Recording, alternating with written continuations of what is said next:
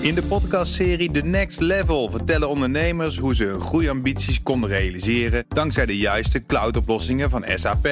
Wat waren de uitdagingen, de oplossingen en hoe ging de uiteindelijke implementatie? Benieuwd naar hun verhalen en hoe zij met behulp van SAP ook hun toekomstige ambities kunnen behalen? Luister de podcast The Next Level via de BNR-app of je favoriete podcast-app. Dit is een podcast van BNR Nieuwsradio. Welkom bij de Technoloog, de podcast over technologie en de impact daarvan op de samenleving. Daar gaan we over praten. Natuur, natuurlijk met Herbert Blankenstein en ook met Arje Kaan. Uh, dus deze week. CTO Content Experiences at Hippo, a Bloom Research. Bloom Reach Company. Ja, je hebt, je hebt ja, dat Bloom Reach, dat was voor mij wat, was, dat was nieuw. Ja, dat klopt. Ja, uh, sinds wanneer is, uh, is dat? Amerikaans bedrijf? oktober. Ja. Oktober. Ja. Voor heel veel geld gekocht. Ontzettend veel geld gekocht. Ja. Nee, wij zijn, uh, Hippo bestaat al wat langer. We zijn inmiddels uh, bijna 16 jaar bezig. En, uh, en, en, afgelopen oktober zijn we overgenomen door een Amerikaanse partij, Bloomreach. En ja, op dit moment zitten we, er, zitten we nog in een soort van... Um, ja, zo'n zo'n fase van, van, van dingen samenvoegen. Mm -hmm. Dus het is nu nog Hippo, a Bloomreach Company. En, maar goed, op, mijn, ik, op het businesskaartje... verdwijnen?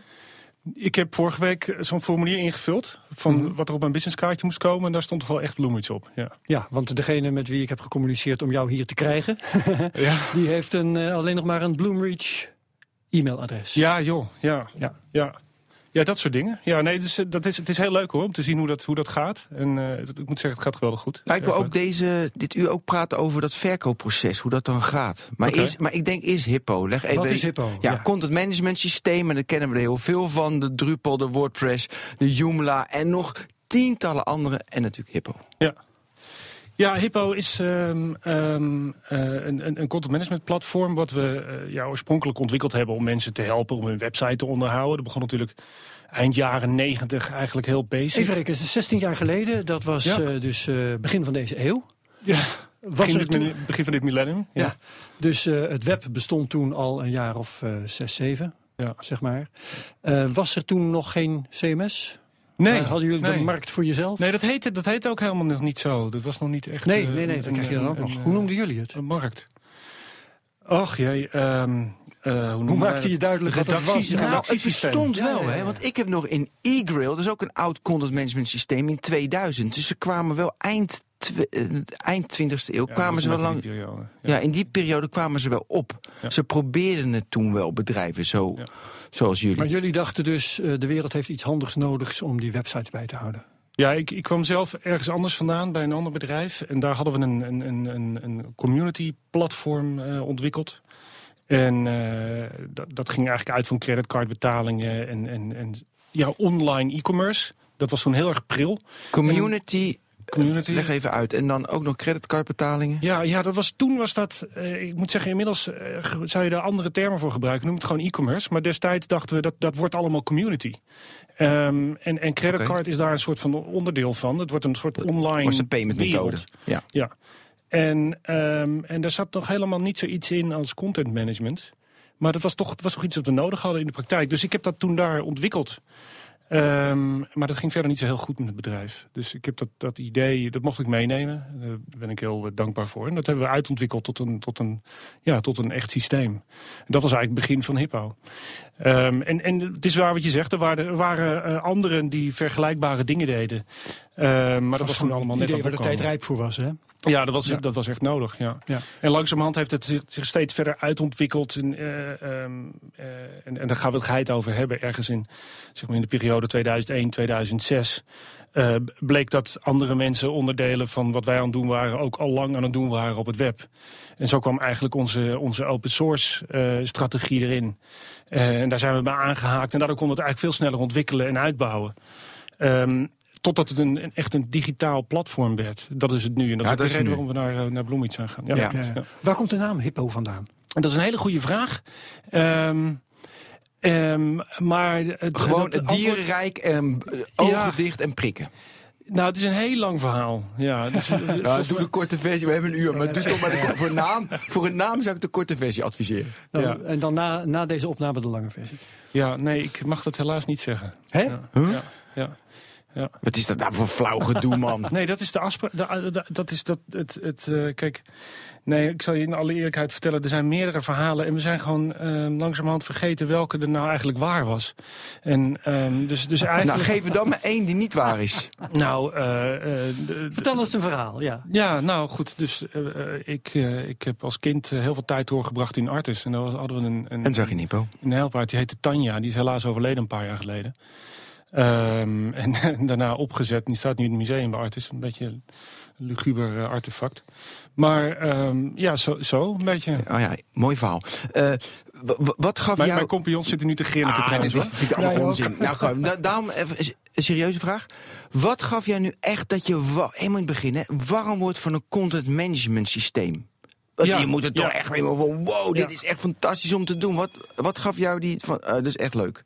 Ja, nou. Ja, dat is, dat, eh, dat is natuurlijk heel gek. Dat je na, na, na 16 jaar nog steeds ontzettend enthousiast kan zijn over een content management systeem. Ehm, maar dat is wel zo. En ik denk dat dat is omdat ik het, dat ik het ontzettend leuk vind om, om, om gebruikers in staat te stellen om, ja, om zich te, hoe noem je dat? Om to express themselves. Hè? Om, om, om eh, hun, hun creatieve werk te kunnen uiten. Ja. En dat, dat, dat is eigenlijk een soort rode draad in het hele verhaal. Ehm, en ja, Gebruikers, maar dat is natuurlijk, dit is B2B, dus het is meer mensen die eh, anderen van internet gebruik laten maken. Want die Ja. mensen kunnen content uploaden. Dus nou, dat klopt. Nee, maar Ja. goed, hun gebruikers zijn creatievelingen.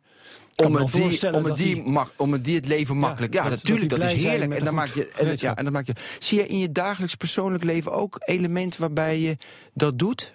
Is dat een rode, rode draad in jouw leven? Nou ja, dit, dat, dit, dit is wat ik doe. dus eh, ehm, ik, ik, ik, ik eh, spendeer heel veel tijd eh, hieraan. En, Oh, je hebt verder geen leven? Als ik, zeg maar, mijn gewone leven in het weekend bestaat uit spelen met kinderen en, en scheppen in het bos. En dat probeer ik zoveel mogelijk van elkaar te scheiden. Ja. Maar ehm, ik, ik heb het altijd wel heel, ja, ik heb het altijd heel erg leuk gevonden. En als je kijkt naar de, de, de, de klanten die wij hebben en het soort, soort sites wat draait op onze software, dat is heel divers. Eh, sommige zijn enorm marketing georiënteerd, andere zijn enorm eh, e-commerce-achtige omgevingen. Maar dan hebben we bijvoorbeeld een, een klant in Nederland, een, belangrijke klant waar ik ook heel trots op ben, dat is de, de nationale politie.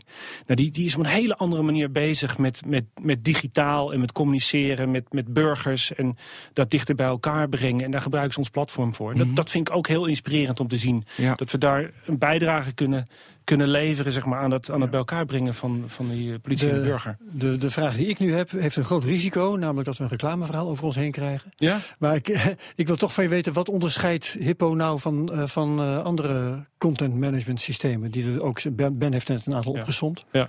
Wat, wat hebben je jullie hebt te natuurlijk- bieden? Je, je, je, je vraagt het aan de, aan de technoloog van het bedrijf. Dus er is een technisch antwoord. Dat is misschien maar goed ook, ja. En eh, dat is, dat is dan misschien iets minder reclamepraatje. Ehm we, we hebben altijd, zeg maar, vanaf het begin af aan...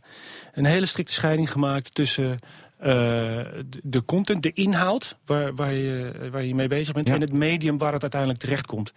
En in het begin was dat helemaal niet zo vanzelfsprekend. In het begin had je zeg maar de webpagina en daar wou je iets op veranderen.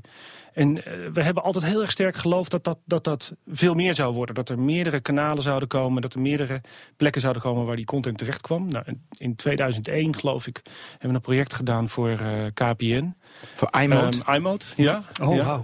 Ja, dat, was, dat, was, dat werd toen gelanceerd. Want ik, Er was toen een, eh, eh, een, een, een- ja, een soort portal eh, werd er ontwikkeld. Dat heette, dat, volgens mij heette dat ook echt ja, iMode heet het portal. Ja. iMode.nl. Ja. Ja. ik ben, eh, Ja, eh, ja, weet er veel van. precies. Nou, en daar, kwamen, daar moesten een stuk of 500 webs- websites komen. 287. ja, nee, ja, nee, omdat ik bij Oh. Vodafone, Vodafone Content Ja, ja, ja, Services ja. deed. Dus mijn concurrent was iMode. Dus ik zat de hele dag in iMode te checken alles wat ze hadden. Dus, Fantastisch. dus daarom vraag ik Kijk aan. site. Ja, nou, dus we moesten 287 websites eh, ontwikkelen. Was het jullie basis content management systeem dat, Dat ze gebruikten? ja. Wat is dat? Nou, dat vind ik dat is interessant dit.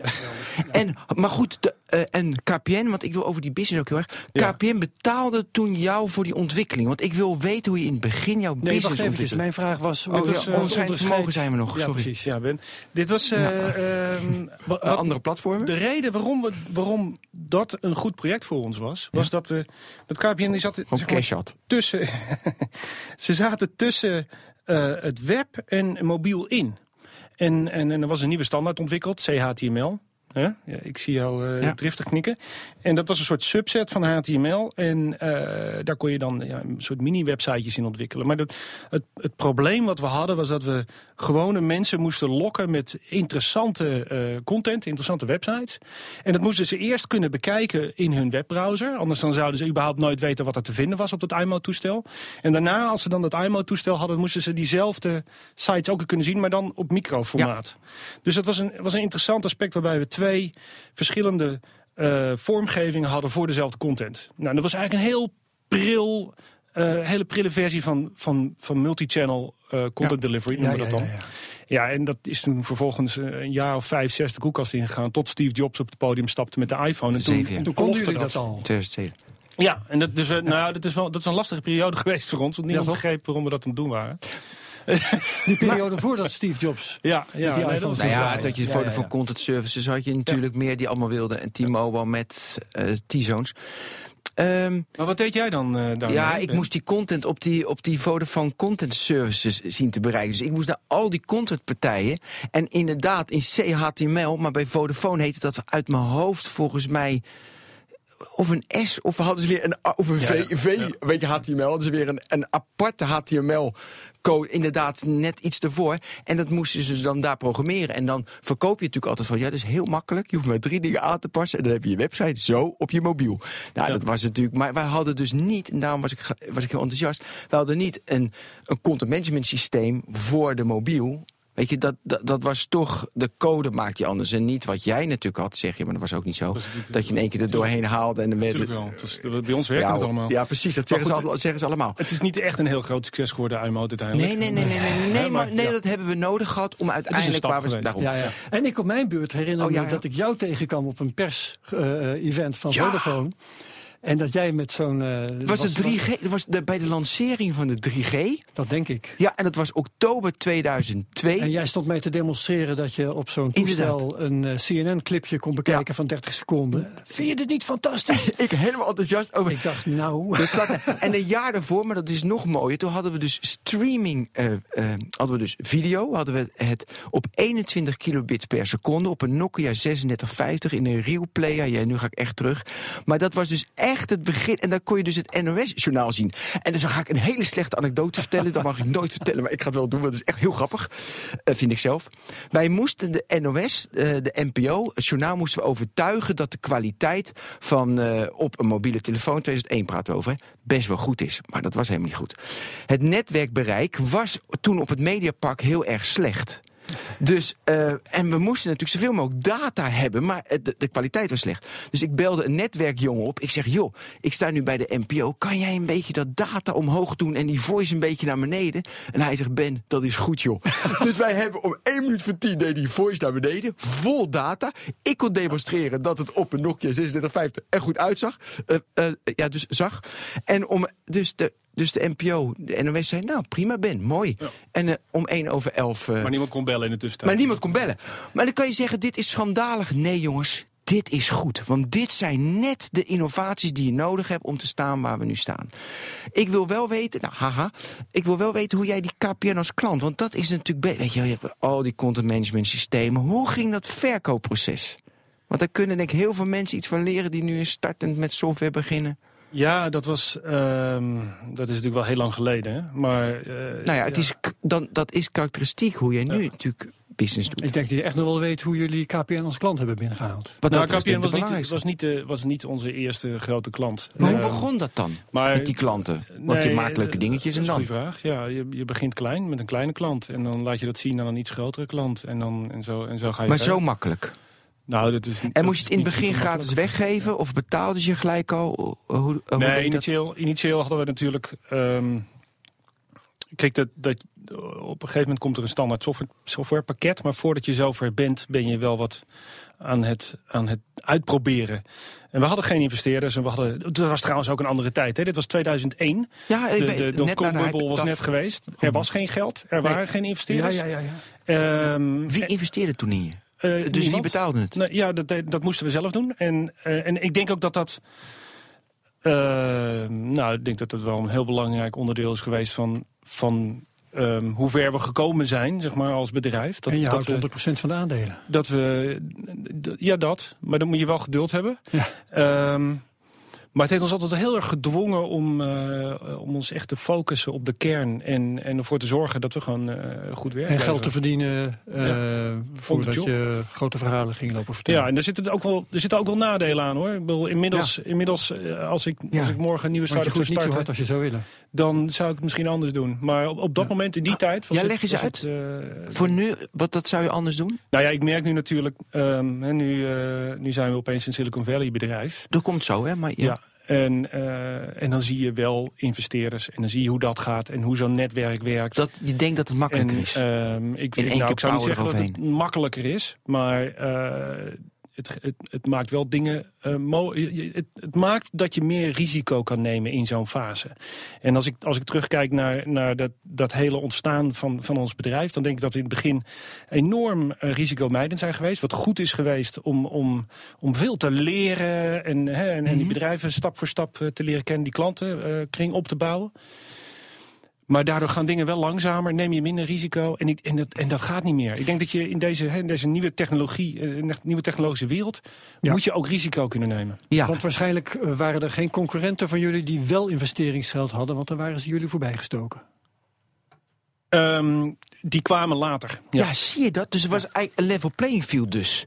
Nog, eh, dat was Toen heel even. Ja. Toen nog even. En had je gelijk van world domination, ik ga... Ik, de, of had je van gewoon organisch groeien en uiteindelijk zien we wel waar we uitkomen. Wat, wat waren de strategische sessies?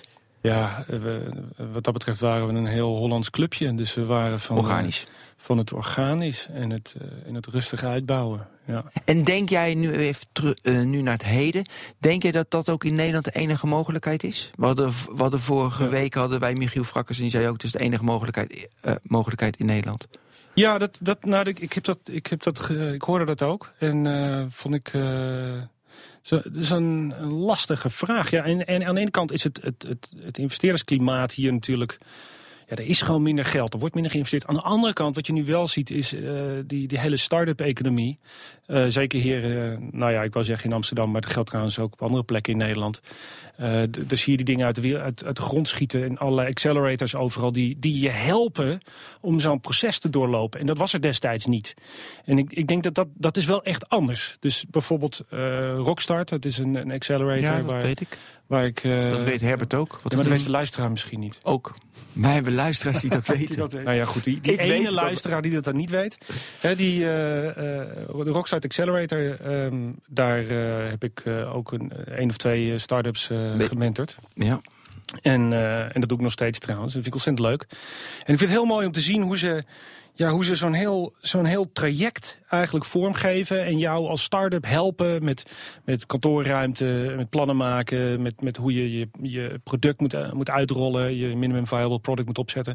Nou, dat hadden wij destijds allemaal niet. Dat bestond maar helemaal niet. Dit is dus dat is wel anders. En, dan, en dat bereid je ook voor en om, om met investeerders te gaan praten. En om echt te gaan nadenken over hoe pitch ik mijn product. Hoe, hoe verkoop ik dat bij een investeringsmaatschappij. Uh, en, en dat klimaat, dat, heeft, dat, dat was er natuurlijk nooit in Nederland. Dat is nu wel echt anders. Ja, maar dit is off-topic. Maar ik vraag het je toch omdat ik jouw digitale visie wil weten. Is die rockstart... Je kijkt heel met... moeilijk naar. Ja, waarom? Ik maak me een beetje zorgen. Omdat ja. ik wel eens...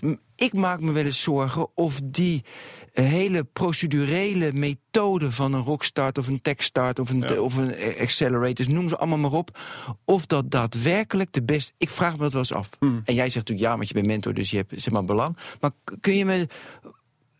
Snap je waarom ik daar wel eens aan twijfel? Want ik denk van ja, dat is een, een procedure, een proces, een protocol. En uiteindelijk de echte, de echte, de echte goede bedrijven. Dat kan je niet protocoliseren.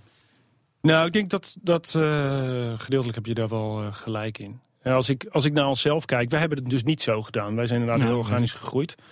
Um, wat we wel gemerkt hebben... Ook is, tot de acquisitie ja. geen investeringsgeld gekregen? Nou, we hebben, uh, op een gegeven moment zijn we wel gaan zoeken. En ja. toen hebben we, een, een, drie jaar geleden, hebben we een een investering in de vorm van een lening gekregen vanuit oh, ja. Amerika. En dat was eigenlijk onze eerste, terwijl we aan het zoeken waren naar, naar investeringsgeld, was dat een mogelijkheid. Um, maar zelfs dat was een lening, weet je wel. Dus ja. het was nog steeds, uh, was nog steeds geen, geen echte investeerder aan boord. Nou ja, Ehm, ook bij start-ups zijn heel veel investeer- eh, investeringen uiteindelijk leningen. Ja, Dus ja, eh, ja. dat is heel gewoon. Ja, oké. Maar, maar, nee, maar je, maakt, je maakt wel een, een heel goed punt. Ehm, is, dat, is dat procesgedreven manier van een, bedr- van een bedrijf bouwen, is dat nou waar het om gaat? Eh, wat, wat ik zelf gezien heb, is dat we... uiteindelijk gaat het om dat, om dat founder-team. En gaat het zeg maar om, om, om hoe die mensen samenwerken. Is het er één? Of zijn, en als het er meerdere... Ik denk sowieso dat het er meerdere moeten zijn trouwens. Eh, bij ons heeft het altijd heel goed gewerkt dat we met z'n drieën waren. En, en dat, we, dat scheelt. Als je ruzie hebt, dan kan één iemand de andere twee weer bij elkaar brengen. Ik zeggen, dat is het magische aantal? Ja, Of, dat eh, denk ik wel. Moet wel Het oneven zijn? Is vijf ook goed? Of, Nou, dat vind ik wel veel. Ja, ja, Dus drie is ideaal. Soms zie je dat wel eens, hè? Vijf of, en dan zeven. En dan, maar 9, 11. en het- ah, ja. Nou ja. Ja, ja precies. Flauw. Nee, Nee, Stel je te denken, zijn het nou, is het nou, zijn het nou priemgetallen of wat zegt Ja. hij nou eigenlijk? Maar, maar, is gewoon tellen even, er nee, maar serieus. Want dan zeg je dus... Maar ik wil... Moet daar... Jij ze vinden ruzie tussen die founders Ja. is af en toe niet erg. nee, Er is wel goed. Ja. Er moet wel wat spanning zijn. Er Ja. moet spanning zijn. Ja, maar, ik- maar ik denk ook tegelijkertijd dat je... ehm, je je hebt bepaalde kwaliteiten nodig in zo'n team. En, en wat je absoluut nodig hebt, is, is, is mensen die ook in staat zijn om, om het eh, te delegeren. Ja, als dat niet in zo'n zo'n founder-team zit, als daar mensen zitten die alles zelf willen doen altijd, dan gaat het mis. En, en volgens mij zijn dat twee hele, hele simpele basisprincipes. Een goed, een goed startteam wat kan delegeren. En dan, eh, dan kan dat groeien. Ehm, met zo'n proces kun je dat natuurlijk gedeeltelijk wel afvangen. Maar, maar dan nog, als je het verkeerde team hebt waarmee je start en je gooit er een proces tegenaan, hoeft, dan hoeft daar niet per se een goed bedrijf uit te komen. Ja. Nee. Dus jullie hebben eigenlijk, eigenlijk gewoon geluk gehad. Dat We hebben voor daar ben ik van overtuigd. de van een juiste heel groot persoon deel tegen geluk elkaar aan bent ja. gelopen. Ja. Ja, maar je moet ook iets goeds doen. Want de concurrentie was best wel groot. In die, in die, ja, weet je, iedereen begon een con- content management systeem. En soms zat er geld achter. Zeg maar later was dat. En... ehm, en Ja. weet je, ik kwam al die jaren hip altijd tegen, denk ik, ja, leuk, content management systeem, prima. eh, Oh, maar nee, maar het, het ja, maar precies, zal wel. Maar het groeide wel ieder jaar door. En als je dan weer die berichten zag, ja, nu overgenomen. Dus wat, waar, wat, wat was dan wat heel erg goed? Ja, jij zegt we wel op, eh, met je multi, eh, ja, ik denk dat, ja, ik denk dat dat wel. zeg maar multiplatform waren we, maar dat vind ik een beetje te makkelijk. Dan, Nou ja, goed. Als dat is het enige asset is. Er er is natuurlijk wel. ehm, ja, kijk, aan de ene kant, eh, in het begin dachten mensen gewoon nog van ja, die website, dat is mijn. eh, hoe noem je dat? Dat is mijn, eh, mijn, mijn, mijn, mijn, leaflet, mijn, mijn Visitekaartje naar buiten. visitekaartje. Ja. Ja. daar staat op mijn website vind je mijn telefoonnummer. Of, Ja. weet je wel, en dan kom je maar langs of, of zoiets dergelijks. Mijn, mijn magazine. En ehm, dat is natuurlijk wel enorm veranderd. Het is natuurlijk wel, gescande folder was het in de Gescande tijd, folder. nog eerst, ja. Dus ik denk dat de, of ik weet eigenlijk wel zeker dat de impact van het internet als distributiemedium, eh, dat heeft natuurlijk de, de media totaal veranderd. Eh, het feit dat we hier een podcast lopen op te nemen is daar natuurlijk al een, een, eh, een bewijs van. Ehm, en content management is daar gewoon een, een, spin, een spil in het web van. Ja. De- uiteindelijk hebben wij, zijn wij gewoon, eh, net zoals eh, die goud, golddiggers in, eh, in Amerika, zijn wij eh pikhouweltjes gaan maken. Zodat En- mensen die en- goud gingen graven met onze spullen gingen werken. Daarnet zei je, wat, wij, ons bijzonder maakte, dat was dat multi-channel principe. Ja. Even eerder hoorde ik je zeggen, we zijn eigenlijk meer een platform tegenwoordig. Ehm, is dat hetzelfde of is dat weer een volgend stadium, Ja. dat platform? ja, platform is natuurlijk een lastig woord, want Facebook Ja. is ook een platform. Ja. En, en eh, van, alles Windows is is een, een platform. van alles nog wat is een platform, ja, Ja. precies. Ehm, wat ik daarmee bedoel is dat om te beginnen onze software gebruikt wordt als een, als een, als een, als een bouwsteen in een, eh, om iets mee te maken. Dus het is, het is niet, een, niet een, een ding wat je eh, van de, van de, uit de kast trekt en je, en je hebt een website. Eh, hè, dan, kun je, dan kun je misschien beter met WordPress aan de gang. Eh, maar, maar als je een, een, een, een complexe omgeving hebt, je hebt allerlei externe systemen die je wil integreren en bij elkaar wil brengen. Webshop en zo. Eh, precies, dat soort dingen. Eh, dan moet je eens een keer naar onze software kijken. Ja. En, en zeker als het een organisatie is die bijvoorbeeld zelf een ontwikkelteam in huis heeft. met, met, eh, met goede mensen die, die, eh, die weten wat ze aan het doen zijn.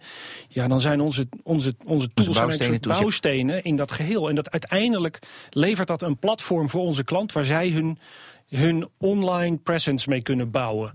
Eh, dat, dat is het. Dus het gaat, veel, het gaat eigenlijk veel minder over het, het... Dat is wel grappig. Het gaat eigenlijk veel minder over het beheren van die content. Het gaat veel meer over het beheren van wat de customer, dus de klant van onze klant, uiteindelijk ervaart, Ervaart. Dankjewel. user experience. Precies.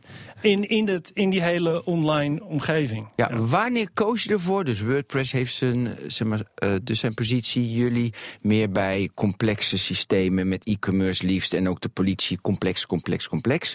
En dan heb je Drupal heeft zijn functie. Dus alle content systemen hebben nu een klantensegment. Wanneer kozen jullie voor dit specifieke klantensegment? Dus complexe systemen met eh, e-commerce erbij. Ik Ehm, kijk me nu aan of ik echt hele rare dingen zeg. hè? Ja, dat is toch logisch? Eh, de- Of was dat onbewust? Of, ja, dat nou, we, zitten, we- ja, we zitten in de enterprise-markt. Ja, En maar wanneer wel- koos je daarvoor? Of was dat toevallig Ja. dat het ontstond? Het was geen strategie, dat was gewoon, oh, daar groeien we in omdat daar toevallig onze klanten, onze contacten zijn. En hé, hey, we we zitten nu in dat domein. Of was het een strategie of niet? Is, het is denk ik eh, initieel best organisch gegroeid. Ja. Ja. En, en, en dus, Je verbaast jezelf er nu ook over. ja, nou ja, kijk, aan de ene kant bij mezelf, ja, hoe, kun- hoe kun je nou... Kijk, je, je kan natuurlijk software verkopen aan consumenten of software verkopen aan bedrijven.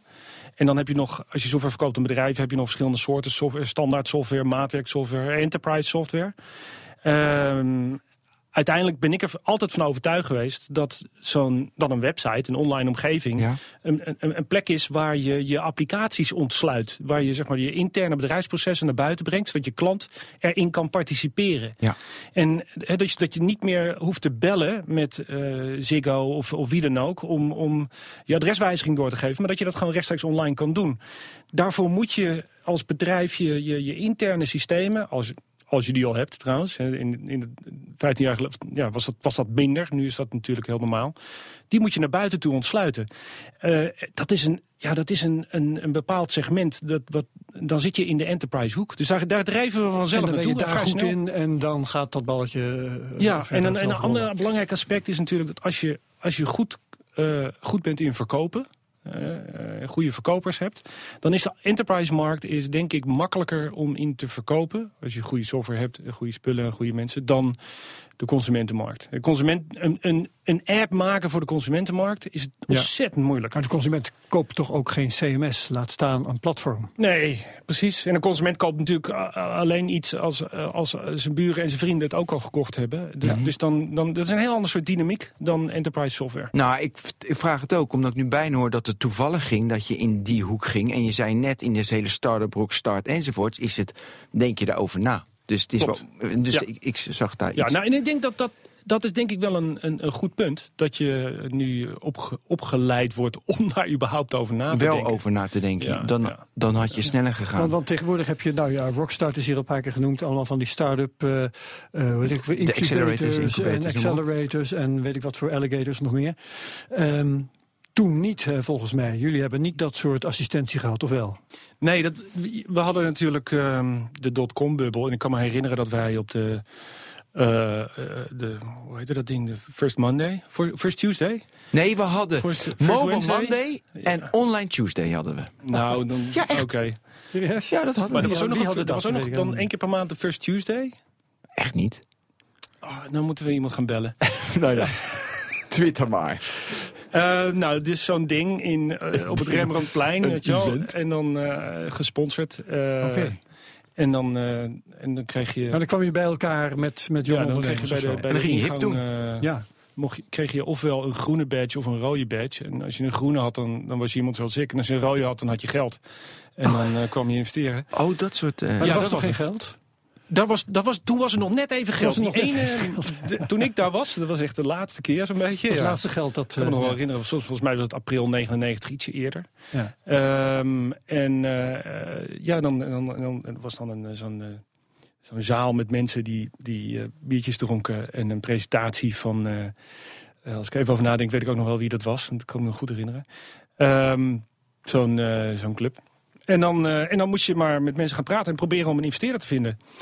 En, en toen, toen waren er wel wat- van dat soort initiatieven. Eh, maar goed, toen kwam die dotcom-bubbel. En toen nou, zeg- dat allemaal in elkaar. Ja, toen was, eh, eh, ik weet het nog goed, internet had opeens eigenlijk helemaal afgedaan. Hè? Dat was nergens meer goed voor. Ja, En eh, hadden jullie daar ja en veel- vooral online business, hè, e-business, dat, dat Ja, zou dat het allemaal gaan worden. En dat werd opeens, was opeens helemaal niks meer. Dat was een, dat was een moeilijke tijd, ook voor ons. En eh, dat betekende dat we, dat we Ja, wat betekent dat concreet? Eh, eh, had je minder boterhammen? Of, of hoe... eh, Nee, ik meen het serieus. Ja, hoeveel Ja. liep jullie omzet terug? Nou, dat, dat betekende concreet dat ik... eh, eh, wil je het echt weten? Ja? Ja. Echt, zeg maar, diep gênant. eh, Ja. ja. nou, dat, dat ik... eh, ik kan me nog wel herinneren dat ik geen boodschappen meer kon doen bij de Albert Heijn. En de- mijn enige optie was om met mijn creditcard bij de Chinese avondeten te halen. Want die accepteerde een creditcard. Ehm, en, en ik had nog wat krediet. Dat, Had je een gezin toen? Nee, nee, dat Oh, was, je was dat alleen? nog verder voor. Dus oh, dat dat kon nog wel. niet uit. Kon nog eventjes. En er was dat, eh, Jeroen Verberg, eh, eh, een van mijn twee compagnons, die, eh, die, die heeft het verhaal dat ik op een gegeven moment gezegd heb van nou jongens, als we nou niet onszelf duizend gulden per maand kunnen uitbetalen, dan kap ik ermee. En, eh, en da- dat was toen zijn, dat, daar heeft hij een soort van levenswerk van gemaakt. Om dat voor elkaar te krijgen. Ja. Ja. En dat, nou ja, goed. Het heeft dat nog even geduurd, maar dat is toen gelukt. En we hebben dat, we hebben dat heel serieus ook aangehouden. Gewoon gezegd van ja, we moeten onszelf salaris uitbetalen. En heel veel start-ups doen dat niet. Hè? Die, Ja. die blijven daar een beetje in hangen. En, en, Ja, ik- dan blijf je te lang hangen. en dan blijf je te lang hangen. En dat, dat zegt eigenlijk iets over het bestaansrecht van jouw eh, bedrijf. En eh, op een gegeven moment moet je ook een conclu- conclusie trekken. Dat is soms heel En moeilijk. wat was het punt dat je er overheen kwam? Nou, dat, dat, dat zal, dat zal eh, ergens Ja. in die 2001, 2001, Maar was er een klant toen 2002 zijn ineens een klantdeal viel? Waardoor je je uurtje Ja, dat kan ik me niet zo, niet zo direct meer herinneren. Wat ik wel weet is dat we op een gegeven moment eh, overgegaan zijn naar een ander businessmodel. Waarbij we met, op basis van, van subscriptions zijn gaan werken. Dus dan hadden we een, een, een vast maandelijkse eh, subscription fee voor onze software. Ja, en, en, Dat en was- dan gaat het echt een beetje lopen. Ja, en dat heeft best een Ja. tijd geduurd voordat we dat voordat we dat Dus het was hadden. eerst, ik heb bouwstenen. Ik kom bij een bedrijf, ik implementeer met dat bedrijf die bouwstenen. Ik krijg uurtje, factuurtje en ik heb wat geld. Ja, en, en- dan laat je het achter En eigenlijk. laat je, laat je het Ja. achter. Het volgende model was, ik laat het achter, maar ik onderhoud jouw systeem en ik heb Ja. met updates en daardoor betaal je een x bedrag per maand, 500 euro per maand. Hoe, bepa- hoe be- Sorry. betaalde je dat bedrag per maand? Dat, eh, dat is een mooi kunstje wat ik aan mijn compagnons overgelaten hebben. Die, die waren allebei econoom, dus dat was heel lekker. Daar hoefde ik niet over na te denken. Oh jammer, zou ik zo graag willen Ja, weten. maar maar wat, wat mij opvalt is dat jullie dus erg vroeg, eh, je zegt zelfs 2001, 2002. Ja, eh, het subscription model was er ietsje later hoor, is Oké. 2005 Want ik herinner me nog wel dat, eh, dat Microsoft zich eh, waarschijnlijk zelfs nog later in allerlei bochten heeft gewrongen om dat voor elkaar te krijgen.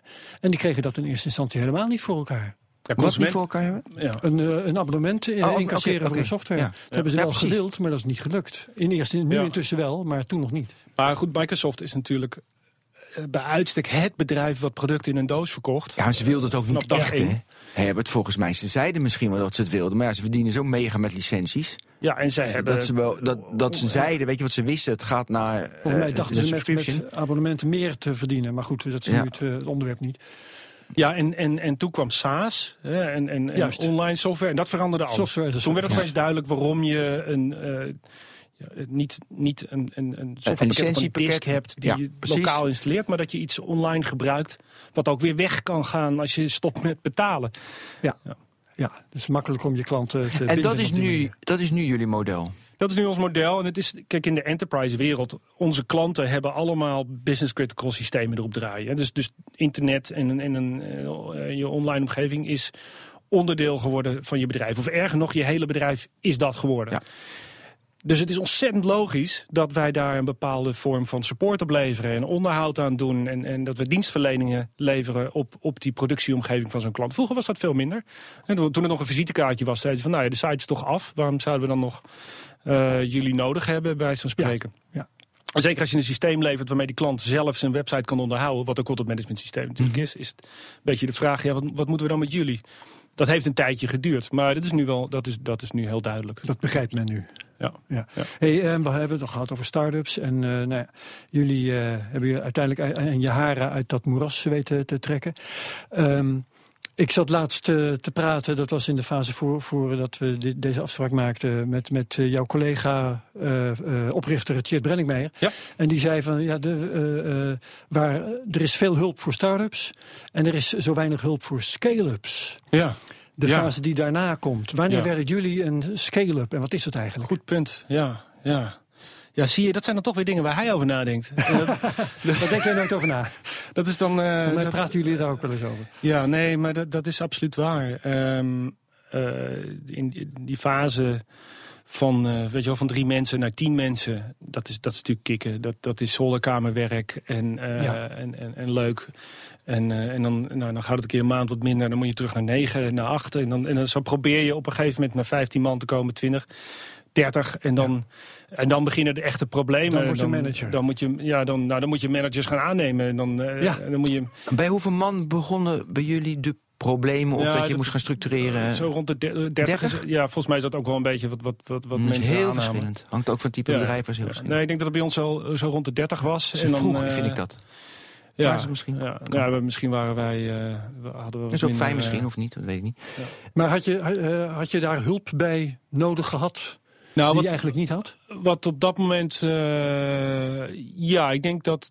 dat wat, hoe word ik manager? Daarmee hoe bedoelt. word ik van oprichter en manager van alles? Hoe word ik... nou, Ja, manager is toch echt wel wat anders dan, eh, Ja, dan een goed idee pardon, hebben. maar- ja, ja. En, en dat, dat is iets wat je, wat je kan leren. Eh, maar het helpt wel ook heel erg als je mensen hebt die het gewoon heel goed kunnen. En op een gegeven moment zijn we mensen gaan aannemen die ouder zijn dan, wij- dan wij zelf, die dat beter konden. En dat was, dat was een stap. De- bij Google noemden ze dat adult supervision, weet je nog Ja, wel? ja. Dat, Oh, eh, ja. Toen hebben ze, heb ik Smit aangetrokken. Maar dat boek van eh, hoe, hoe word je een scale-up, dat, eh, nou ja, goed, dat was er niet. Inmiddels is er een hele mooie methode, dat heet Scaling Up. Ehm, een boek van Fern Harnish. Dat is eigenlijk voor bedrijven die nog net iets groter zijn, zo, zo, zo rond de 100. Nou, dat was, dat was, dat is echt een, eh, eh, hoe noem je dat? Een, eh, zeg maar, mind-blowing eh, ding Ja, voor ons. we Om dat hebben te 100 zien. man, ja. Er is, eh, nou ja, dat. Maar ook het feit dat er een boek is wat je uitlegt wat je moet doen eh, als volgende stap. En wat Ja. de problemen zijn waar je tegenaan loopt. En dan blijkt eigenlijk dat dat hele standaard dingen zijn waar iedereen doorheen gaat. Blijkt dan ook gewoon te kloppen wat er in En het dat blijkt te kloppen. Ja. en dat is natuurlijk leuk om, om, om als een soort van validatie te lezen dat je niet de enige bent die door dat soort fases heen gaat. Maar het is ook heel prettig om gewoon een handboek te hebben waarin staat wat je moet doen. Dus ja, volgens mij is dat, eh, is dat een boek wat je pas eh, leest als je 100 mensen hebt. Maar Maar, er- maar er hoeft 60 dus- zit, is dat wel handig, denk ik. Er hoeft dus geen eh, scale-up hulporganisatie te komen. Een soort, noem je dat, incu- incubator Nou, of ik denk, ik denk dat voor scale-ups? wat, wat Ben natuurlijk net ook al zei. Hè, de vraag is of dat, dat, dat, dat procesmatig ontwikkelen van die start-ups... of dat nou... Of dat nou echt de manier is om het te doen, dat moet zich nog bewijzen. We zitten Ah. nog steeds, die, die accelerators, die zijn er nou nog geen vijf jaar. Voordat die bedrijven die daar uitkomen echt volwassen zijn, Ja. eh, zijn ze zes, zeven, acht, misschien wel tien jaar bezig. Ik ben ervan overtuigd dat je, als je in de softwarewereld zit bijvoorbeeld, ja, een goed softwareproduct maken, dat kost gewoon tien jaar. Eh, en, en, dus, dus we zijn nog steeds vrij vroeg in Dus dat de hele eerste tien proces. jaar was jullie product niet goed. Ehm, ja, ik, nou, we hadden enorm tevreden klanten. Ja. En, eh, maar ik, ik, denk- ik denk wel dat, eh, dat het eh, zo'n periode kost voordat je echt begrijpt wat je eigenlijk aan het doen bent en, en wat je klanten willen. En ik denk dat dat, Ja. dat, dat moet je ook, je moet ook wel openstaan om te leren. In, in die periode. En ik, ik denk dat, het, dat je daarbij stil moet staan dat als je zoiets wil doen. en zo'n bedrijf wil starten. dat je niet met 1, 2, 3 jaar klaar bent. maar dat, dat het een, een De lange termijn een lange termijn ding is. Ja. Plus Herbert, volgens mij is het ook zo dat je, je kan wel een scale-up boek en je kan wel al die regels nadoen, maar dat doe je zeg maar wat onderzocht is op Harvard en dan ga je nadoen, want dat is een handboek wat ze allemaal doen en dat ga je daarna doen en dat heb je daarna gedaan en dan ben je net zoals al die andere bedrijven uiteindelijk. Of je zegt van nee, ik ga zelf een case worden op Harvard en ik heb mijn eigen methode. Daar heb ik heel goed over nagedacht en dan heb ik de methode Ja. voor alles in de wereld. Heb ik, en dit is mijn methode en dan ben je uniek en dan ben je vijf jaar later een Harvard Business Case. Dan gaan ze over jou een boek schrijven en dan gaan andere bedrijven jou weer nadoen. Maar volgens mij kan je beter voor het tweede Geweldig. kiezen dat je zelf dat ontwikkelt. Hebben jullie dat gedaan? Nou, ik denk, ik, ik zou zeggen, eh, p- probeer nou zoveel mogelijk te leren van fouten van anderen. En, eh, Maar wat zijn de eigen sausjes die je er overheen hebt? Onze eigen sausjes? Ja. Nou, dat, dat, dat, zijn er, dat zijn er in elk geval twee geweest. Eh, heel, heel vroeg in, in onze ontwikkeling hebben we... Ja, kijk, we hadden, we hadden eh, programmeurs zitten, die er trouwens nog steeds zitten. Ehm, eh, die, die heel erg actief online keken naar wat andere mensen deden. En dat bleek toen open source te heten, maar dat, dat heette misschien nog niet eens in die, eh, zo in die tijd. GitHub, En- eh, eh, het, dat was- Fanatics. dat- Maar maar dat bestond toen nog niet, met de fora zaten ze in. Ja. Ja, en, en die er heel, ze stonden er heel erg voor open om, om te kijken wat anderen deden. En om dan te denken, goh, die, wat die doen is eigenlijk beter dan wat ik gemaakt heb. En dan in En plaats van jullie vroeg mee. Dus eigenwijs ja, ja, te zijn en te zeggen, nou ja, ik ga toch zelf daarmee verder. Te denken van, nou weet je wat, ik ga die, met die persoon verder. En ik ga wat, wat hij of zij daar geprogrammeerd heeft, dat ga ik pakken. Pakken en daar ga ik op verder bouwen. En dan moet je wel een bepaalde mindset voor hebben om dat te kunnen. Want Ja. je, je geeft in feite toe dat jij... eh, niet alles weet. niet alles weet. alwetend bent. Ik vind het wel Ja. een heel mooi antwoord, want de vraag was: wat was jullie eigen sausje? En het antwoord is: ons eigen sausje was dat we heel goed anderen zijn gaan nadoen. Ja, nou, ik, ik denk dat... ja, of eh, openstaan voor... Openstaan. Ja, ja, ja. openstaan. ja, ja. Openstaan- Maar het is toch openstaan- wel bijzonder.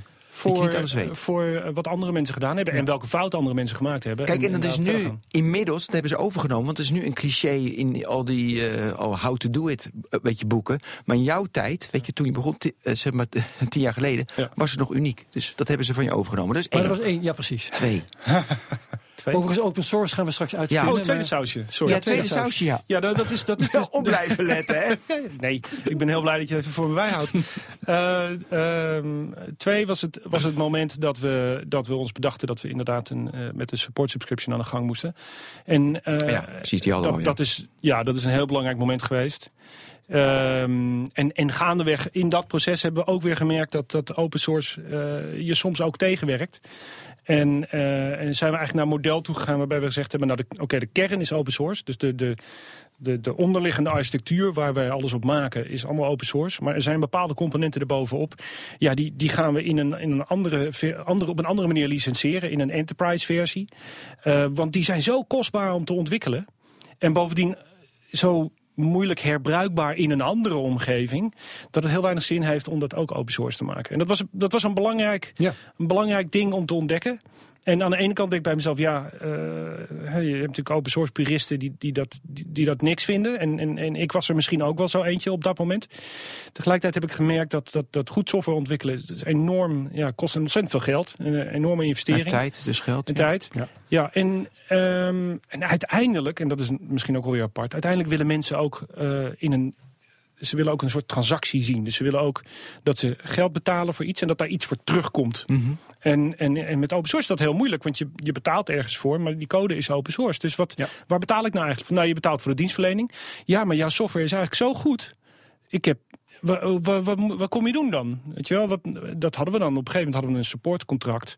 Ja. Waarbij we zeggen, als er iets misgaat, kun je ons bellen. En ze belden nooit. Weet je wel? Want er, ging, er ging niks. Dat is echt waar. Er, er ging niks mis. Het werkte gewoon verdomde goed. En op een gegeven moment ging de telefoon en zei ze, nou, we zeggen het contract op. Want het werkt eigenlijk wel prima. Nou, dat, is, dat gaat natuurlijk. Eh, dat is heel raar en heel cru. En op een gegeven moment gaat het heel erg tegenwerken. Dus dan Daar moet je we vanuit de open source, als je dat zeg maar als een bak ziet, en dan moet je dus speciale module, eh, speciale modules voor die ene klant of voor meerdere klanten, die kan je voor meerdere klanten gebruiken. Ja. Die zet je daarop en daar betalen ze dan die Ja. subscription voor. Ja, en dus dat is klopt. niet. Nee, dus wat we, wat we zijn Open. gaan doen, is hebben gezegd, nou, het onderliggende platform. Dat, dat is eigenlijk een, een, bijna een commodity framework Ja. geworden. Dus, Dus dat, zijn dingen eh, die. Om, om, om het even neer te zetten. Er is dus een, een deel van jullie software dat ik eh, als open source eh, kan, kan binnenhalen Ja. en, en downloaden, installeren. En het werkt. Ja, moet je even Maven installeren en Java. En, maar je hebt een. een- Nou, ik heb een hele deficiënte laptop hoor. Dat, dat stel niet veel voor wat ik hier heb. Nou, Ben die kan dat zo standaard op zijn laptop draaien. Ja. Ehm, en dan ga je naar www.onehippo.org en dan kun je die code downloaden. En dan kun je Ja. dat inderdaad doen. Ja. Dan kun je, eh, kun je zo aan de slag. En dan kun je mooie dingen mee maken. Dan kun je Zoals noemen ze een site? een, een multi-channel eh, platform mee op. Noem eens een site. ja, die nu daarop draait op de op Ja, de dat, nou, dat is, dat, ik ga er eentje noemen. Maar het is, wel, het is wel apart, want eh, wij weten eigenlijk niet wie er op onze open source software draait. Want dat draait Oh, bij ja. hun intern. Ja. De- en dat, dus daar krijgen Leuk. we, dat horen dat wij we aan nooit. de buitenkant misschien. Ja, ja, interessant. Maar je weet één. Behalve die, eh, die. Nou, we hebben we hebben een, eh, een heel groot aantal van onze klanten eh, binnengekregen die zo begonnen zijn. Eh, die, die zeiden van nou, er zit een, een ontwikkelaar bij ons in de ploeg en die heeft een hele mooie website gebouwd.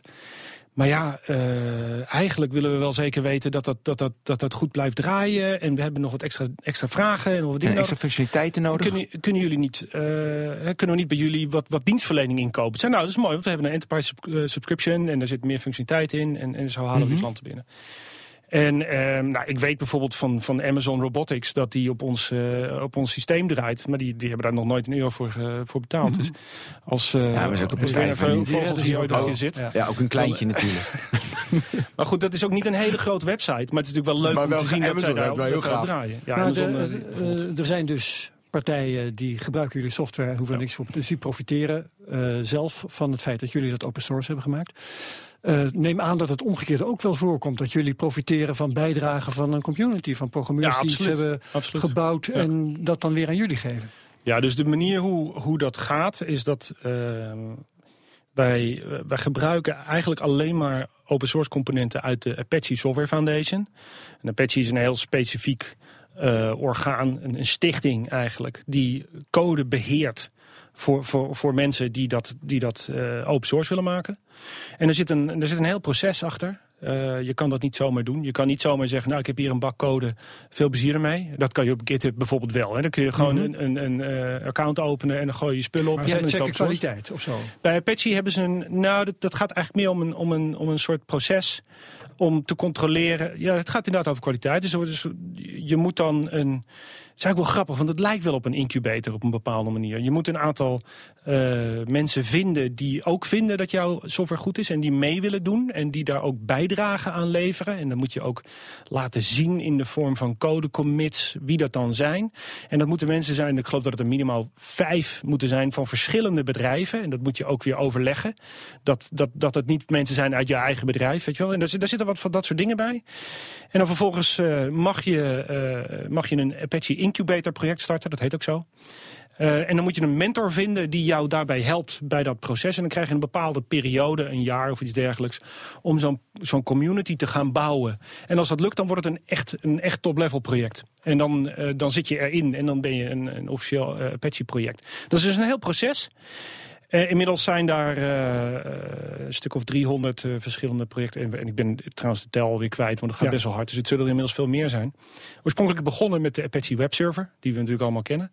Dat was het, het hoofdproject en dan langzamerhand zijn dat steeds meer dingen geworden. Maar mijn vraag was eigenlijk, hoe komen jullie dan aan bijdragen van, van ja. buiten? Waar, ja. Dus de, dat je echt goed spul opeens in handen hebt... Ja. waar je zelf geen ontwikkelaars aan het hoeven zetten. Ja, dus, dus die, die Apache community, die kennen we heel goed. En uh, we hebben een heel aantal mensen zitten, en ik zelf ook, die daar actief in participeren. Hoeveel ongeveer? Een getal? Nou, uh, op, op onze, zeg maar, op de top hadden we, hadden we echt 15 committers uh, bij Hippo werken. 1-5? 1,5, ja. Inmiddels zijn dat er denk ik uh, wat minder, misschien een stuk of tien, die, uh, die, in, die in, in die communities uh, participeren. En, maar kijk, je moet je voorstellen dat... Dat is toch dat... heel weinig? Of, of ben ik... ik heb geen idee, joh. Ja, ik ook niet, ja. ik, ik, ik, ik, zat aan honderden te denken, maar... Dat, nou, dat zijn mensen die bij, bij Hippo werken en die oh, participeren in, oh, die nee, maar ik bedoel, ik bedoel die aan de open source maar, van de Hippo werken. Ja, dus, en, maar andersom... Uh, Dan denk ik aan een community van een paar honderd. Ja, dat zijn er honderden of duizenden. Oh, Oké, okay, ja, precies. Ja, ja, maar da daar wil ik een getal over hebben. Ja. En dan, dus we hebben eigenlijk twee componenten. Aan de ene kant hebben we de, de open source projecten die wij gebruiken. Nou, in de Apache Foundation, daar, daar, heb je er een stuk of 300, daar gebruiken we er een stuk of uh, 10 van. Lucene is een hele bekende zoekmachine. Uh, Solar is ook een, ook een zoekonderdeel. Um, eentje die we in het verleden heel veel gebruikt hebben was Cocoon. Daar hebben we het hele KPN-ding op uh, gebouwd. Een XML, uh, Pipeline Transformation Engine. Nou, dat was mijn claim to fame op dat moment. Het was een geweldige community met ontzettende slimme mensen... die nu allemaal bij Google en Facebook en over de hele wereld werken. En helaas is dat dan weer uit elkaar gevallen. Maar dat moet ook kunnen gebeuren. Nou, en daar, uh, dus daar, zaten allerlei mensen aan te werken die wij wel kenden, maar van allerlei verschillende bedrijven. IBM, NASA deed eraan mee, van alles en nog wat. En, uh, en wij ook. Um, en dat was de kern van ons product. Inmiddels dat, is dat, uh, ze hebben dat vervangen met Jack Rabbit en zijn dat weer andere projecten geworden. Dus dat, dat wisselt een beetje. Nou, daar participeren we in. En dat doen we omdat we het belangrijk vinden dat die projecten uh, ja, om te beginnen door blijven evalueren natuurlijk. Ja, het is je bestaansrecht. Het is ons het is bestaansrecht. Ja. Zo we moeten. Dus daar moeten we ook aan bijdragen. En tegelijkertijd, het is voor ons natuurlijk ook... Um, het is het is ook mooi om te laten zien dat we dat doen. Maar eigenlijk, de allerbelangrijkste reden voor mij is dat... door dat op die manier te doen, laten we ook zien hoe wij werken... En laten we ook onze code zien. En laten we ook zien dat, wat de kwaliteit daarvan is. Ja. En dat, en dat vind ik, ik vind ook belangrijk voor de programmeurs die we aannemen. Dat die dat doen en durven. Dus een van, de, een van de basisprincipes op het moment dat wij mensen aannemen... is dat we kijken of het iemand is die als ik dan specifiek over programmeurs heb. Of dat Ja. iemand is die kan uitleggen wat hij doet, kan communiceren. Ja. En ook niet, niet, niet bang is om gechallenged te worden. Als iemand dan een keer een moeilijke vraag stelt, dat hij dan niet zegt, nou ja, eh, la- dan, doe het dan maar zelf of zo. Maar dat hij ook echt dat, daar, daar eh, op ingaat en een goed antwoord Maar geeft. kunnen jullie... eh, Heb ik nou de vraag beantwoord ik heb, ik heb, ik nou ben ja, de vraag al lang kwijt. De vraag was hoe, hoe, hoe jullie profiteren van die gemeenschap. Oh ja, hè, wat, hem. wat er binnenkomt man, ja. aan, aan bruikbare software. Ik ga hem op een andere manier stellen. Hebben jullie ooit kunnen uitrekenen? Want je hebt dus bedrijven die jullie producten kunnen gebruiken zonder te betalen. Want het is open source. Ja. Je hebt programmeurs die eh, maken producten die kunnen jullie gebruiken. Dus daar hoef je niet voor te betalen. Heb je ooit kunnen uitrekenen of onderaan het papiertje... of er dan wel een getal met een plus staat... of jullie daar bij het fenomeen open source... of Ja. jullie daar nog garen bij spinnen of niet? Want mij wordt dat zo niet duidelijk. Ja, dat is, nou, dat is een hele goede vraag. Dat is ook heel moeilijk om dat uit te rekenen. Ja. Als het überhaupt ook kan. Is het een Ehm, ideologische keuze of is het een bedrijf? Nee, dat het is is, eigenlijk geen, mijn vraag. het is geen, ideoloog, eh, eh, geen ideologische keuze. En het is ook gebleken over tijd dat ehm, eh, als, je dat als je er wel een ideologische keuze van maakt, dan, dan loop, je, loop je. Nou, je loopt niet vast. Ehm, het is nog ingewikkelder dan dat trouwens. Want er zijn natuurlijk ook bedrijven die gebruiken het eh, voor niks. Maar dat, dan werkt het als reclame. Het zij worden ze later klant. Het zij Ja. wordt een ander bedrijf later klant. Dat het daar weer ziet. Nou ja, mijn, mijn lievelingsvoorbeeld is eh, eh, een jaar of zes geleden. toen was ik op vakantie met, met mijn vrouw en twee kinderen nog. Ik heb er nou drie. En we hadden een camper gehuurd en daarmee reden we naar, naar Italië. En dat was, weet je wel, voor het eerst in mijn leven drie weken vrij. Dat was geweldig. Ehm, en, eh, en toen, en dat, oh ja, dat was ook de eerste keer dat ik zonder laptop op vakantie ging. Dat was echt een ding. Ja, maar je Eh, had een smartphone. dus het ging heel goed. Nou, ik had nog, ik had denk ik een, eh, een Psion eh, of zoiets Oh. dergelijks. maar die had ik ook thuis gelaten, dus dat Wat- was er allemaal niet. En dat was zes jaar geleden. Ehm, nou, misschien was het net iets langer geleden. Oké, ga maar door hoor met je ik was niet de eerste met een iPhone. eh, Goed opgelet, Ben. Eh, en toen, toen re- reden we door Italië en toen eh, werd ik gebeld van, eh, vanuit Amerika. Van ja, je, het kan echt niet anders. We hebben nou zo'n zo'n opportunity. Je, je, je moet echt inbellen en een demo geven en, en je ding doen. En... ehm, maar ik had niks bij me, dus toen ben ik met, met, met, met de camper naar de eerste, de beste grote computerwinkel gereden. En heb ik daar de, de, de nieuwste MacBook gekocht eh, van het moment. en, eh, en een geweldig, eh, met alle geheugen erin en alles.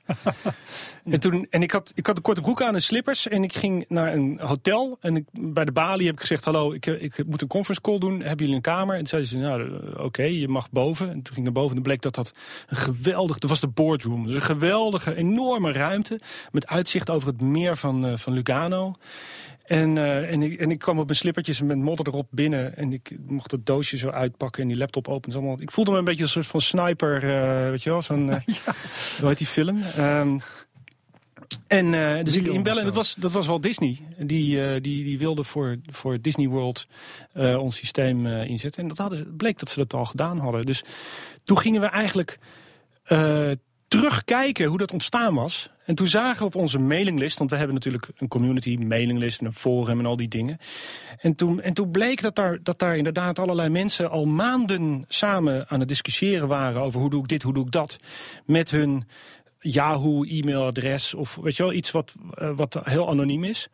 En, eh, en er was op een, gegeven, op een gegeven moment eentje die had een fout gemaakt. En die had dan per ongeluk toch met zijn Disney e-mailadres Ja. gemaild.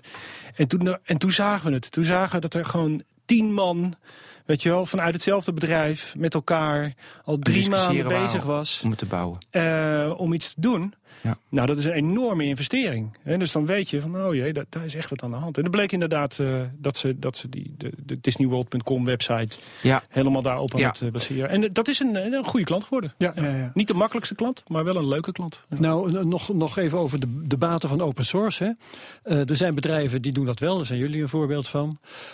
Andere bedrijven doen het niet. Wonderlijk geval is Microsoft, die hebben lang zich met hand en tand verzet en gaan nu steeds meer de open source kant op. Is er nou iets te zeggen van wat voor soort bedrijven kan beter met open source werken en voor wat voor soort bedrijven is het misschien af te raden? Ehm, nou, om te beginnen vind ik dat Microsoft op het moment geweldig doet. En Mhm. eh, eh, die, die hebben daar, die hebben, dat is ook voor hun een moeilijke periode geweest Ja. om die omslag te maken. Maar het is wel duidelijk dat, dat dit nu er helemaal in zit. En dat, het, dat dit hun richting, de richting is die ze opgaan. En dat, dus uh, alle... Maar wij zijn ook niet 100% open source gaan, hè? Want de code Nee. van Windows die zie ik nog niet op GitHub verschijnen. Nee, nee, nee dat, Dat zal wel- nog even duren. Nee, het zal nog even duren, ja. Ik weet nou, trouwens niet, zou je dat dan doen? Zou je dat dan uitchecken en bouwen? En, eh, Ik, zeg- nee, ik, ik, ben niet, eh, ik, ben, ik ben geen programmeur, dus dat zou ik niet doen. Ik zou wel heel eh, erg opletten wie dat misschien wel doet. En Ja. eh, die dan weer hier vragen. Oké, nou, oké. maar nou, wat voor soort bedrijf was mijn vraag. Ja, ja, wat voor soort bedrijf? Nou, ik, ik denk dat. ehm, tegenwoordig is het toch een andere tijd. SaaS eh, is standaard. SaaS en apps eigenlijk. En dat zijn twee dingen die niet heel erg open source zijn.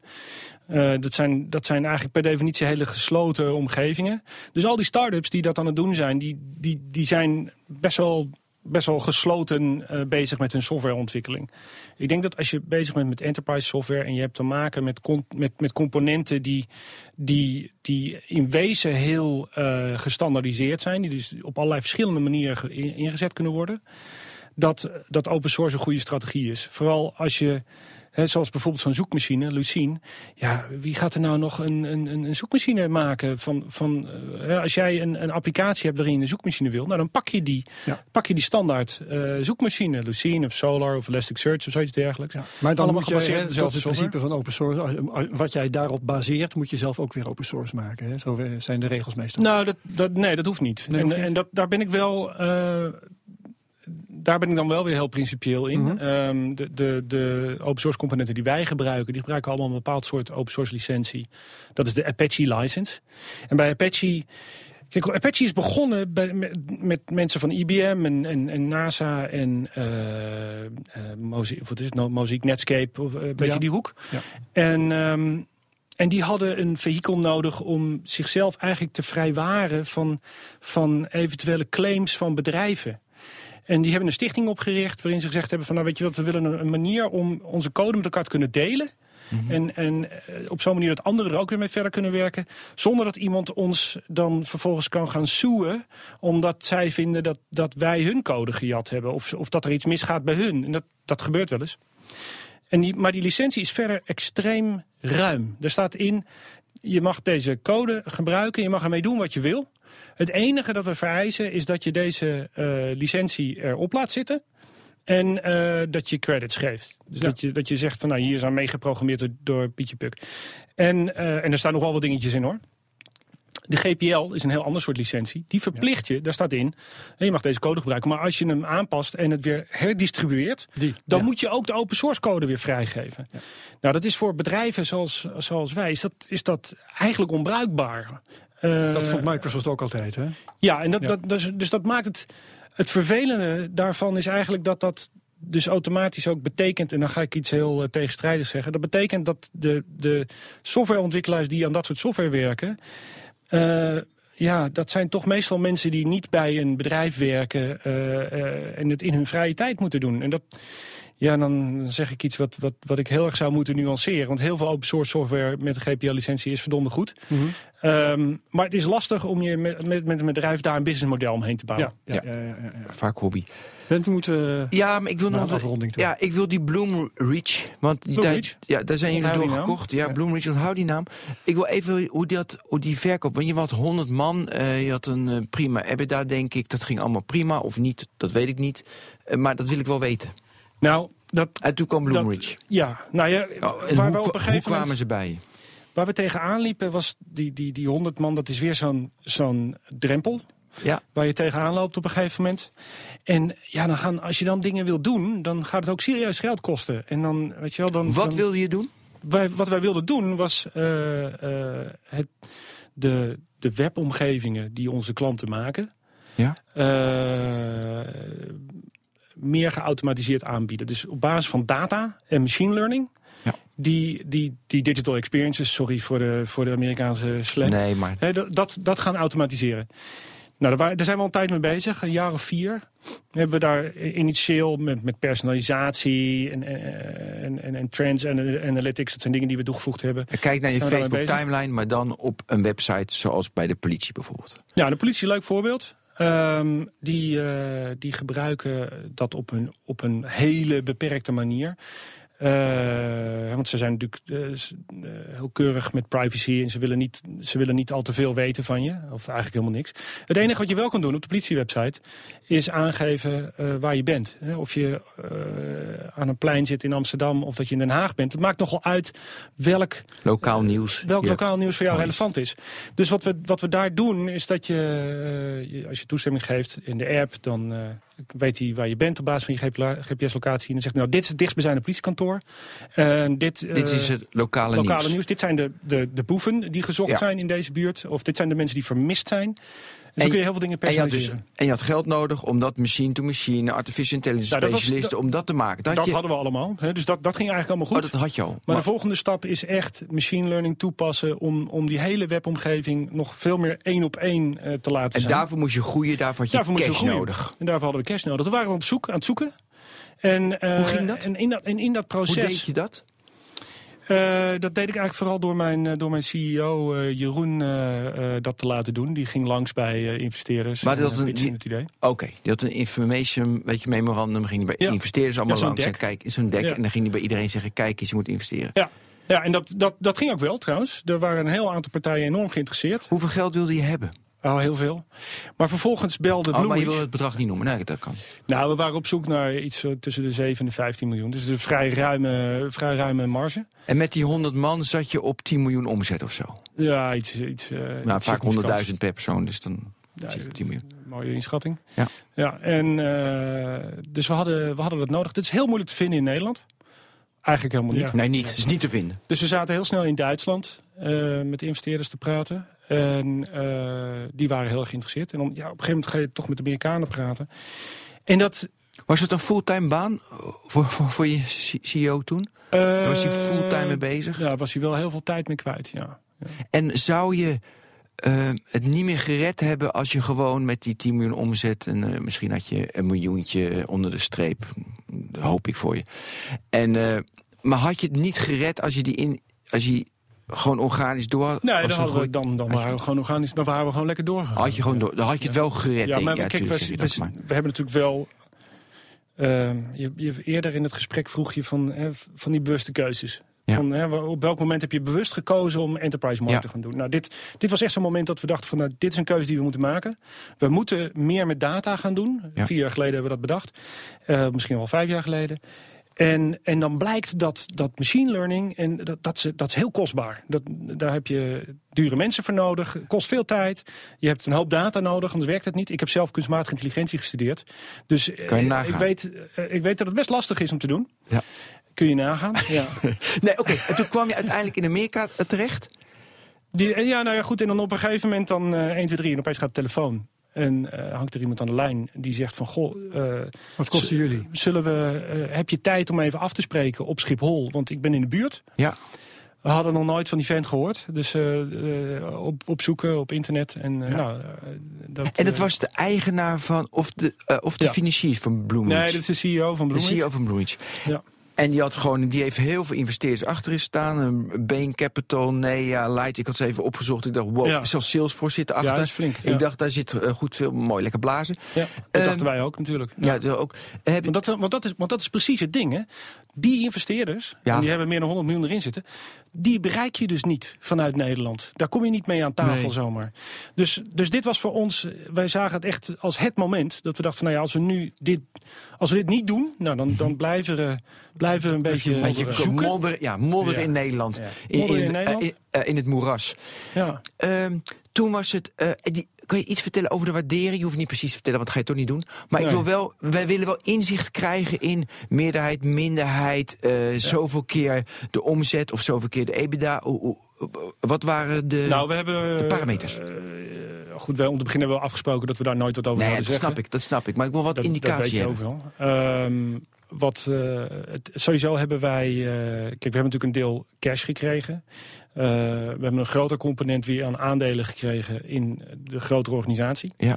En nu is het voor ons zaak om het geheel een succes te maken. En, maar keken ze naar de omzet of keken ze meer naar de EBITDA? Nee, ze keken alleen maar ja, naar, het, uh, naar, het, naar het deel wat bij ons, dat noemen wij CMRR, dus de, de Committed Monthly Recurring Revenue. Dus we hadden het eerder over die subscription fee, maandelijkse ja. bedrag. Dat vonden ze belangrijk. Dat component, ja. Het terugkerende bedrag. Terugkerende- en hoe lang die contracten waren met die klanten. Ja, en het- andere deel wat we, wat waar, waar we ook in, inkomsten uit genereren, dat zijn weet je wel, impl- implementatieprojecten, consultancy-trajecten. Dat vond die capex-kosten vonden ze niet interessant. Nee. Nee, dus het ging echt alleen om de, Eh, om de om OPEX. de die, eh, MRR. ja, Ja. Die, die recurring. En daar zit dan een, eh, een multiple En, op. eh, er zit Ja. een, ja, en er zit een multiplier op. Mooi. En hebben ze minderheid of meerderheid? Hoe, eh, Zij, Of de- nee, ze hebben ook geheel overgenomen. Geheel? En, eh, ja, en vervolgens hebben wij een, een, een minderheidsbelang in, In- eh, in het geheel gekregen. Jeetje. En dat, is ontzettend leuk, want dan spreek je met die... We hebben ook met die investeerders natuurlijk aan tafel gezeten. Ja. En die, die zien dit echt als de, de opportunity, weet je wel. En die proberen je ook heel erg te stimuleren om verder te gaan met dat bedrijf en dat echt groot te maken. En dat, Ja. dat zijn we nu aan het doen. En de opportunity is om in één zin de best user experience in e-commerce van de wereld. Eh, on- nou, niet alleen in e-commerce. Oh, dus zelfs over het hele internet. Gewoon van de hele wereld. Ja. Maar je bent nu CTO van Hippo. Wat ben je straks van Bloomreach? Ik ben, eh, ik ben eh, officieel de CTO van de, van de Experience Division van Bloomreach. Oké. Ja. En eh, er is ook een CTO aan de, aan de, andere kant- aan de andere kant, mijn, mijn compagnon. We hebben er gewoon twee. Ja. Ja. En, maar goed, wij doen ook hele verschillende dingen, dus zo gek is dat niet. En eh, we hebben regelmatig contact. Eh, zeg maar meerdere keren per dag. Want wat is verder de eh, core business van Bloomreach? Core business, nou waar Bloomreach vandaan komt, is een e-commerce optimalisatie systeem. Oh ja. En vrijwel alle grote Amerikaanse e-commerce winkels online, Neiman Marcus en eh, eh, nou, wat heb je, de Walmart en de Home Depot en heel veel, heel veel merken die wij ook helemaal niet kennen hier, maar die, die grote chains daar, eh Macy's, die draaien, die draaien met dit platform. Die hebben allemaal een online eh, webshop. Dat, dat doen ze met een of ander e-commerce systeem. Maar vervolgens, die e-commerce systemen die zijn niet zo heel erg veel verder geëvolueerd wat betreft data. Ja. Dus zij hebben eigenlijk tools ontwikkeld daarbovenop om bijvoorbeeld zoek, zoekresultaten relevanter te maken. Een, een, een goed voorbeeld daarvan, wat ik zelf wel leuk vind, is als je op de Dell-website, ook een klant, eh, zoekt naar een black laptop, dan, dan, dan, dan wat je dan bedoelt is echt een zwarte laptop. En, Ja. niet, en niet bijvoorbeeld een zwarte laptoptas. Wat, hè, wat, wat daar heel erg op blijkt. En als je gewoon een simpele text search zou doen, dan zou Black Laptop Bag Mhm. ook naar boven komen in de resultaten. Dus wat wij kunnen doen met, met ba- Ja, op basis ja, van. AI en machine learning is begrijpen wat de, wat de, de, de klant eigenlijk bedoelt met Black Laptop. Dat, dat laptop het, op, het ding is en Black is een, een, een, een, een, een parameter daarbovenop. En daardoor kunnen we die zoekresultaten veel beter matchen. Dat is één, één zo'n Ja. voorbeeld. En ik eh, hoorde dit voorbeeld, want het is zeg maar, tijdens de voorbereiding. En toen dacht ik van, ja, dan concurreer je met Amazon.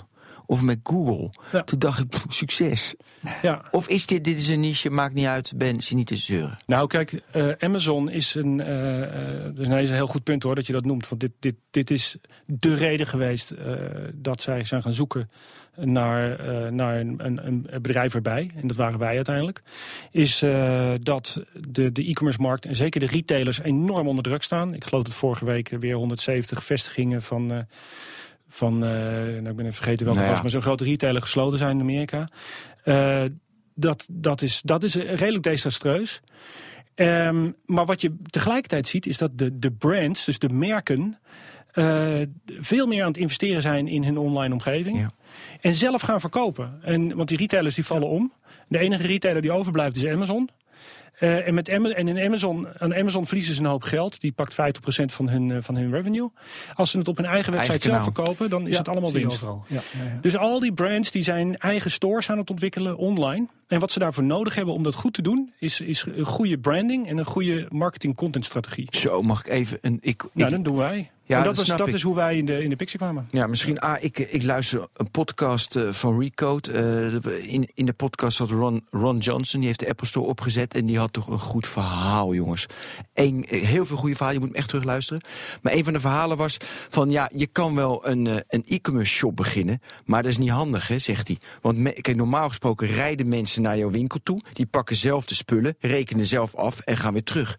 En e-commerce, zegt hij, dat is echt duur. Want je laat iemand anders, moet je zeg maar, het laten pikken. Dus, zeg maar, eh, eh, zeg maar, dus het pakken van het product. Die brengt het bij je thuis.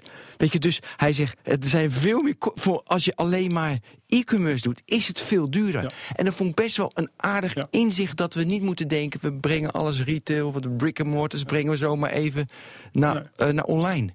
Dus Ja, daar zit ook Dat- wel nog heel veel ontwikkeling in. Nou, ja, Concludeer Amazon is natuurlijk gewoon.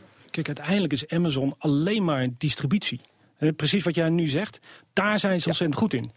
En, distributie. alle distributie, ja. En, en dat, eh, Ze dat prima. aggregeren de alle distributie van de wereld, zeg Ja. maar, op retailgebied. En dat vinden wij op zich ook niet erg. Alleen ehm, wat wij willen bieden uiteindelijk is, die- zijn we door onze tijd heen. Ja, we, moeten ah, we we zijn er ruim een uur volgens mij, ik weet het niet eens. Maar, Maar ver boven u. Dit is de langste, de langste technoloog. ja, maar ik mocht voor jou doorgaan en dat waardeer ik zeer, Herbert. Want jij zit... al- ik, voor, ik kan gewoon uren door, maar dat moeten we niet doen. Dus maar maar Amazon die niet zo zeggen, waarom is- stoppen jullie nou? Ja, dat hebben ook luisteraars, ja. Maar wij vinden, we willen het ook kaderen. Maar ik had nog over eh, wij Ja. Atlassian en Jira willen hebben. Ja, maar wellicht een andere keer. Eh, heb je, Geweldig heb je nog, nog een key mededeling of een key verhaal... waar, waar- waar iedereen mee moet afsluiten of kunnen we gewoon stoppen? Nou, dat la- ik wil het laatste stukje, als het niet erg nog even afmaken. Ja, waar, waar Amazon veel minder goed in is, dat is eh, de, jou als, eh, als klant, als Ja. gebruiker, als, als, eh, ehm, als user een goede experience bieden. Ze zijn ontzettend goed in, in die reviews en, en, en, en peer reviews, dat je kan lezen wat andere mensen ervan vonden. Ja. Maar je krijgt het product nooit echt goed te zien. En, en, en, en even een filmpje of een, of een. Weet je, als je een gitaar gaat kopen online, dan wil je toch horen hoe dat ding klinkt. En dan wil je zien hoe die snaren erop gezet zijn. En dan wil je dat misschien ook wel kunnen voelen, bij wijze van spreken. En dat, dat noemen we experience. Dat is wat wij kunnen toevoegen. Dat is wat. Hè, Als je hier nu een e-commerce store gaat ontwikkelen in Nederland, dan zou Ja. ik zeggen, richt je daarop. Onze vrienden van Coolblue en zo, die doen dat natuurlijk al ontzettend goed. Die snappen dat heel erg goed. Die experience van, van zo'n merk en van die producten, Oké. eh, op die De manier kun je nog verkopen. De experience moet top zijn. Ja, Ja? wel. Ja, Herbert Blankenstein bedankt, Ben van den Burg bedankt. En natuurlijk onze gast Arje Kaan. Hij is CTO Content Experiences at Hippo. En dat is een Bloom Reach Company. Dankjewel allemaal en tot de volgende Technoloog. Dank